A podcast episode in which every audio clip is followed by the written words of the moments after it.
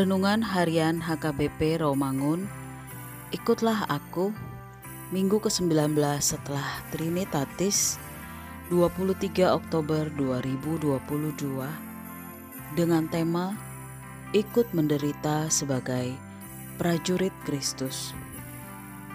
Bacaan epistel kita pada hari ini dari Amsal pasal 16 ayat 16 sampai 20 dan bacaan evangelium kita hari ini dari 2 Timotius pasal 2 ayat 1 sampai dengan 13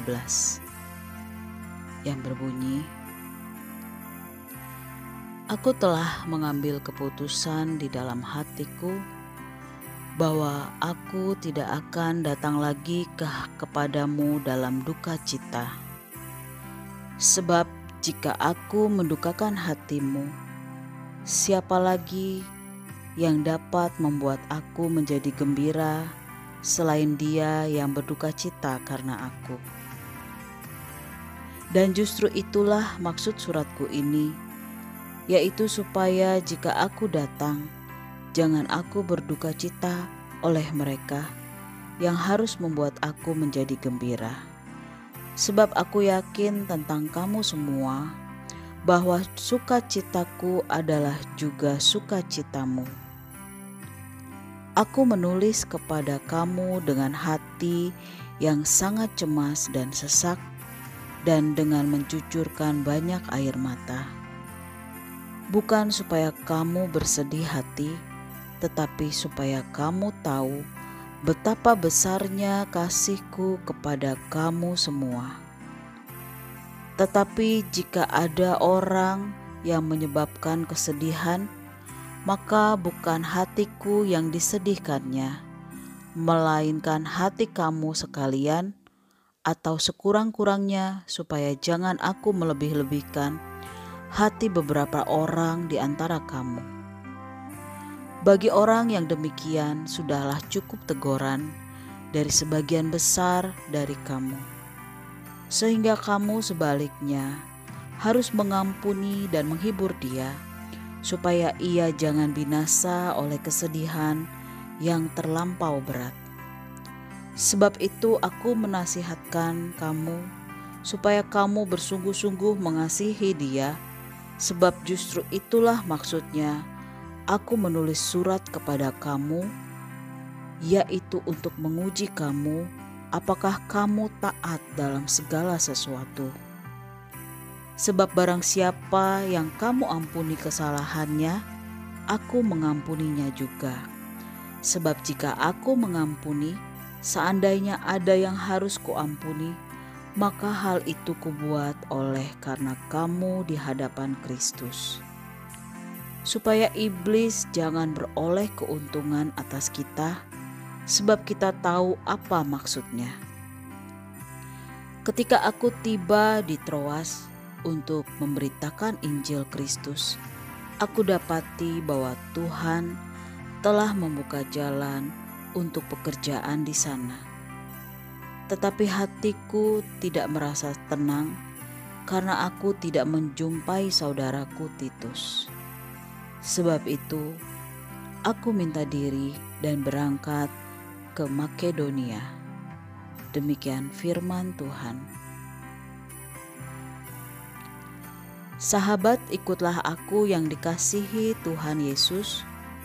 Rasul Paulus dalam kitab 2 Timotius pasal 2 ini membimbing Timotius bagaimana dapat menjadi kuat dalam penderitaan. Dalam bimbingan Paulus ini dinyatakan dengan gambaran seperti seorang prajurit yang baik yang berjuang dengan komitmen penuh kepada Kristus Yesus yang memilikinya.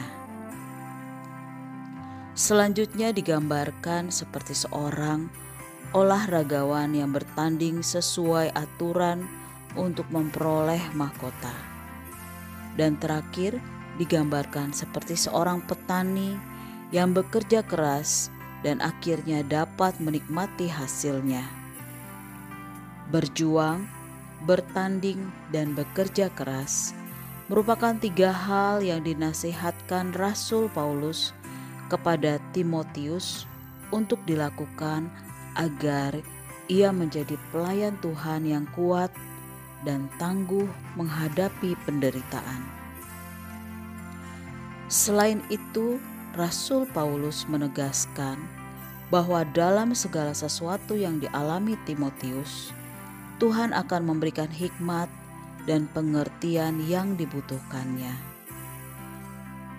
Tuhan Yesus juga pernah menderita, tetapi kemudian menerima kemuliaan yang kekal dari Allah Bapa. Bagi seorang prajurit, ia akan berperang dan berjuang sekuat tenaga menaklukkan musuh hingga ia beroleh kemenangan. Demikianlah hidup kita. Kita hidup di tengah-tengah zaman di mana ketidakbenaran terus terjadi. Sebagai prajurit Kristus, kita harus bersiap sedia, berjaga-jaga, dan siaga berjuang untuk hidup dalam kebenaran Allah. Berperang dan berjuang tentu menimbulkan rasa sakit bagi tubuh kita. Namun, percayalah bahwa Tuhan mengaruniakan kepada kita kekuatan sehingga kita dapat bertahan dan menang di akhir peperangan. Dan ingatlah bahwa mahkota kemenangan telah disediakan Tuhan bagi mereka yang senantiasa setia.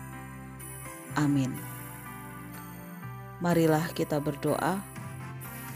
Ajar kami ya Tuhan mensyukuri segala berkat-berkat Tuhan dalam kehidupan kami. Amin.